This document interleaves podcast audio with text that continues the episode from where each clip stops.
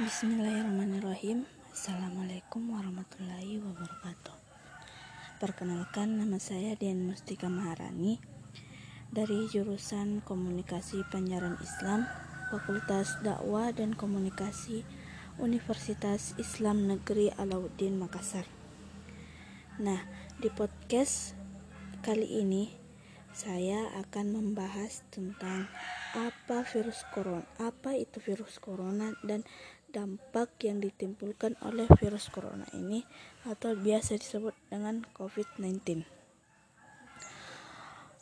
COVID-19 ini atau virus corona adalah virus yang bentuknya kecil tapi mematikan. Virus corona ini merupakan jenis virus yang diidentifikasi sebagai penyebab penyakit pada saluran pernafasan yang pertama kali terdeteksi muncul di kota Wuhan, Tiongkok. Virus ini diketahui pertama kali muncul di pasar hewan dan makanan laut di kota Wuhan. Dilaporkan kemudian bahwa banyak pasien yang menderita virus ini dan ternyata terkait dengan hewan dan makanan laut tersebut. Orang pertama yang jatuh sakit akibat virus ini juga diketahui merupakan para pedagang di pasar itu. Virus corona atau COVID-19 yang menular ke manusia bisa menyebabkan peradangan saluran pernapasan.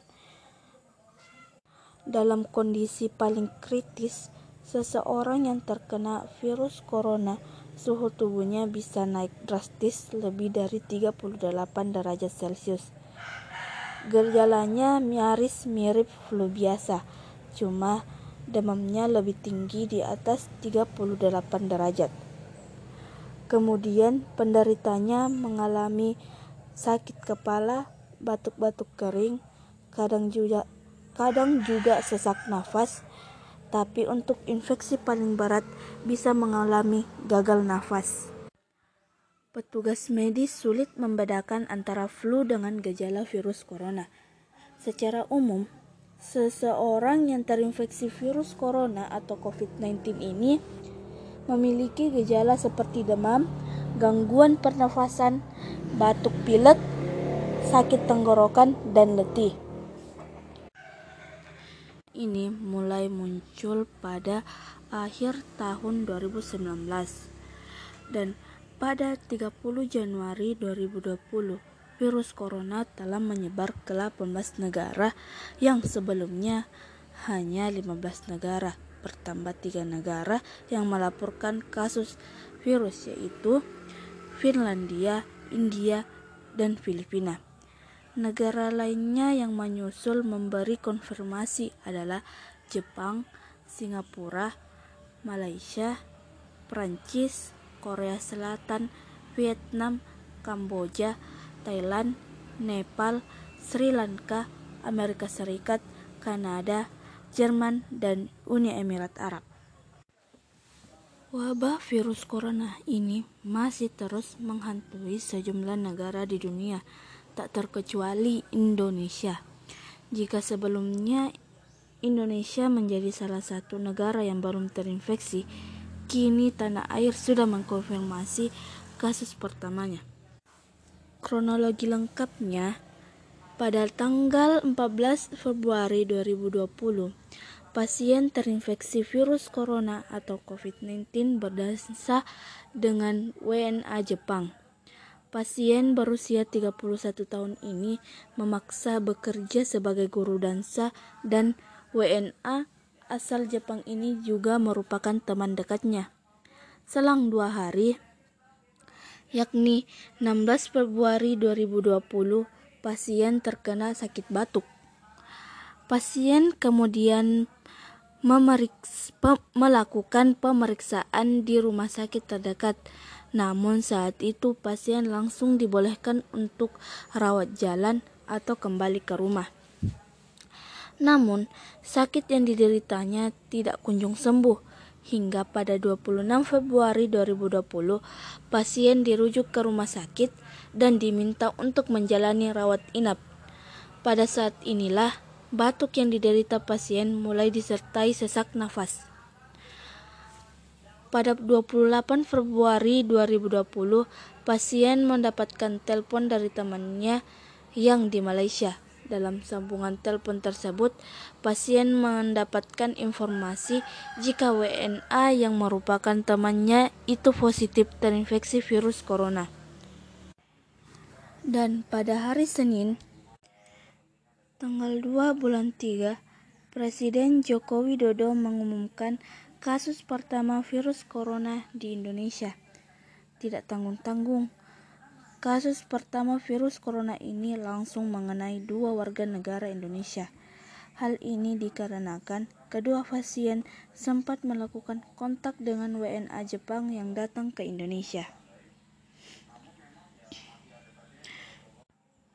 Virus corona atau COVID-19 ini tidak hanya berdampak pada kesehatan saja, tapi berdampak bagi perekonomian terutamanya perekonomian Indonesia.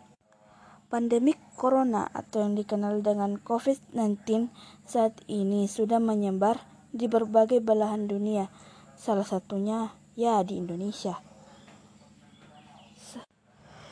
Indonesia juga tercatat sebagai negara dengan tingkat kematian atau mortality rate tertinggi di Asia Tenggara akibat virus ini dan peringkat kedua negara dengan angka kematian 8,63 persen di dunia.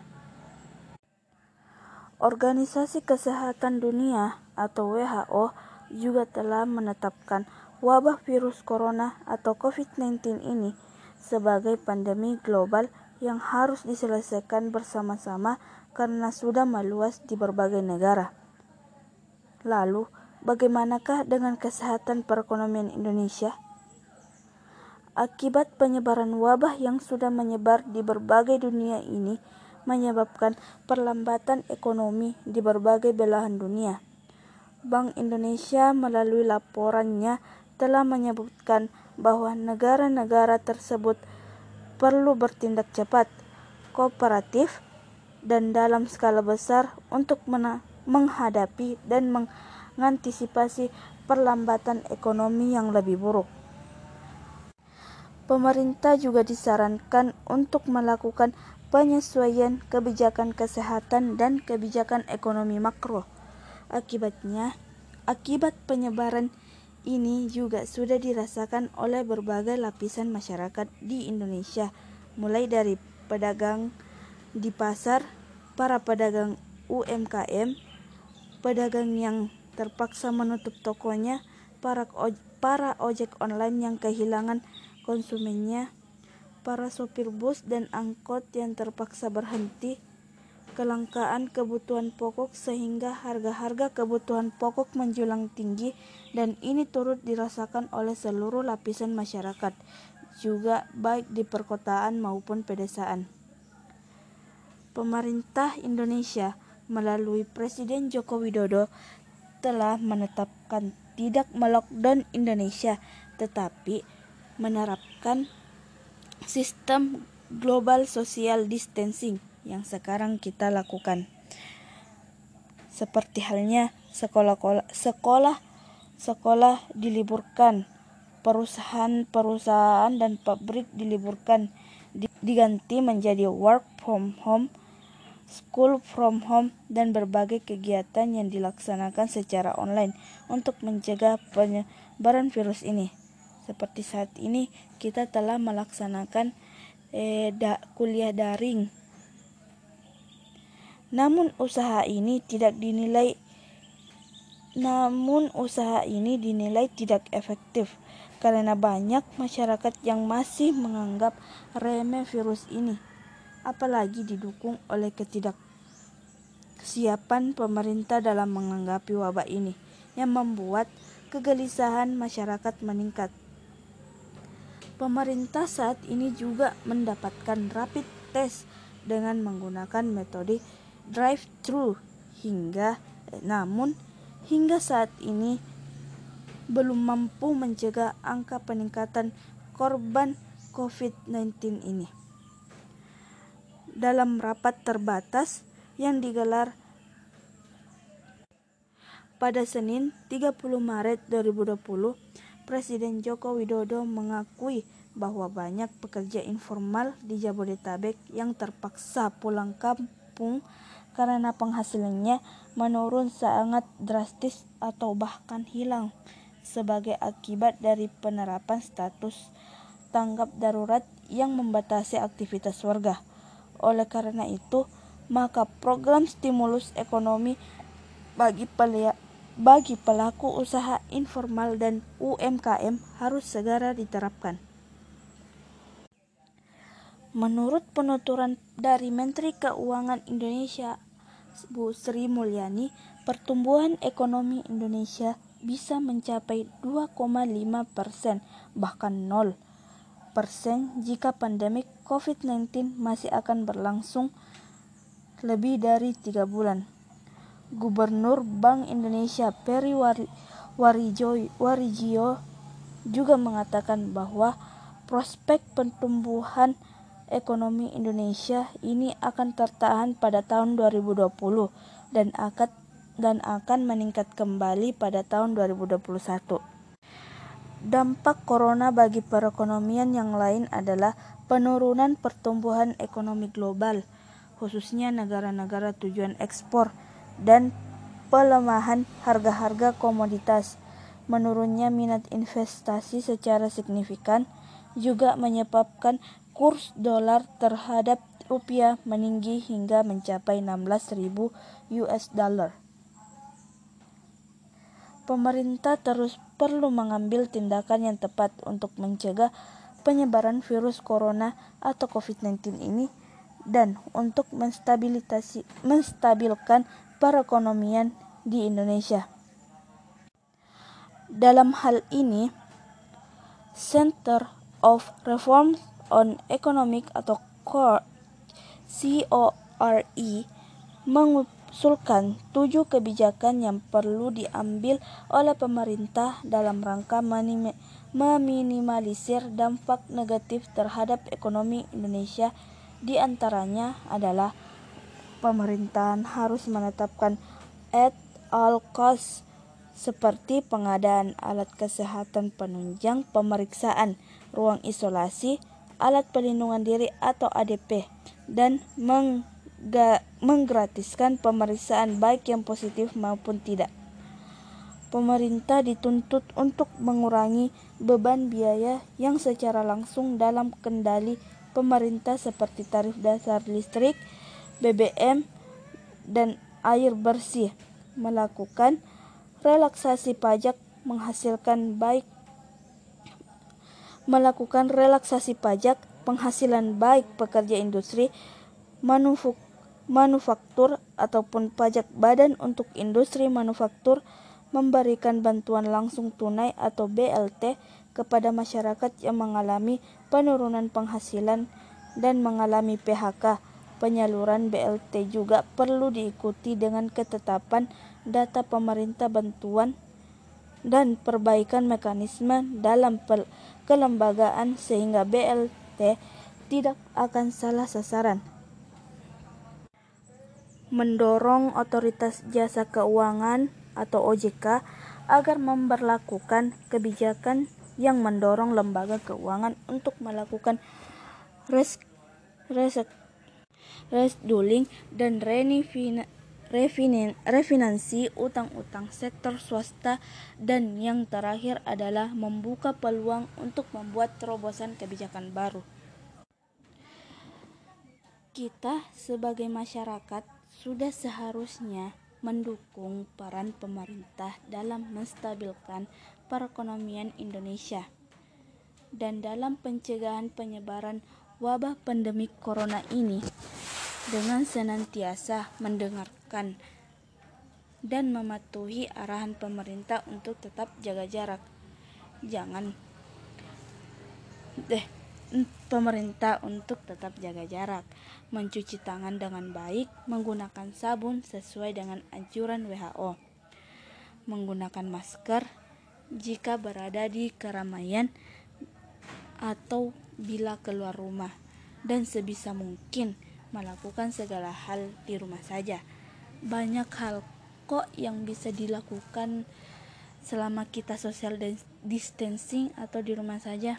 Seperti halnya membuat hal-hal baru seperti eh, mendekatkan diri eh, kepada keluarga. Kita kan mempunyai banyak waktu. Mungkin dulu kita mengabaikan keluarga kita eh, sampai lupa dan apa-apa sajalah yang dapat kita lakukan untuk bisa tetap eh, di rumah saja dan tidak keluar. Apa pun yang terjadi ini semua virus ini atau virus corona ini atau covid-19 ini akan membawa hikmat tersendiri bagi kita. Mungkin atau sebagian atau mungkin banyaklah yang mulai bosan di rumah banyak lah eh kenapa sih harus social distancing ah bosan ah di rumah saja ayolah kita sebagai ayolah kita sadar diri em, mulai berada di rumah patuhi peraturan pemerintah. Ayolah bantu pemerintah kita untuk memutus rantai penularan COVID-19 ini yang ada di negara kita. Apalagi ini sudah memasuki bulan bulan yang penuh berkah yaitu bulan suci Ramadan. Mungkin Ramadan tahun ini berbeda dari Ramadan-Ramadan sebelumnya yang dulunya kita ke masjid terawih bareng hmm, buka puasa bareng sama teman SD lah SMP lah SMA lah bahkan teman kuliah kita tapi sekarang tuh dilakukannya tuh di rumah aja. Mungkin agak berbeda ya dari tahun-tahun sebelumnya.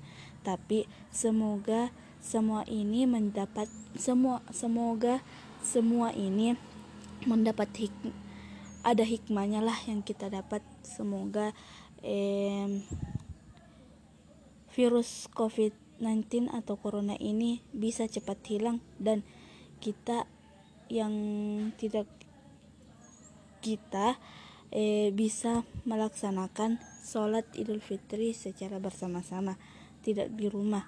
Kan gak enak kan eh, sholat Idul Fitrinya sendiri-sendiri. Maka dari itu maka dari itu kan mulai bulan di bulan yang suci ini marilah kita eh, memperbanyak ibadah meminta kepada Allah agar eh, virus ini segera diangkat atau dihilangkanlah dari muka bumi ini. Semoga agar eh, saudara-saudara kita yang mungkin di luar kampung sana ingin pulang atau mau pulang kampung atau mudik eh, tidak bisa karena COVID-19 ini semoga mendekati lebaran virus corona ini sudah hilang dan eh, saudara-saudara kita bisa berkumpul kembali dengan keluarga kita keluarganya maksud saya aduh dan semoga ini dan semoga semua ini mempunyai hikmah yang berharga bagi kita semua. Kita bisa belajar dari semua ini. Mungkin kita yang jarang kumpul dengan keluarga, mungkin dengan datangnya virus ini, virus corona ini, eh, kita bisa dekat dengan keluarga, berbicara. Yang dulunya ja, eh, aku berbicara, semua tuh ada hikmahnya kawan. Jadi nikmati aja. Dan mungkin ini saja yang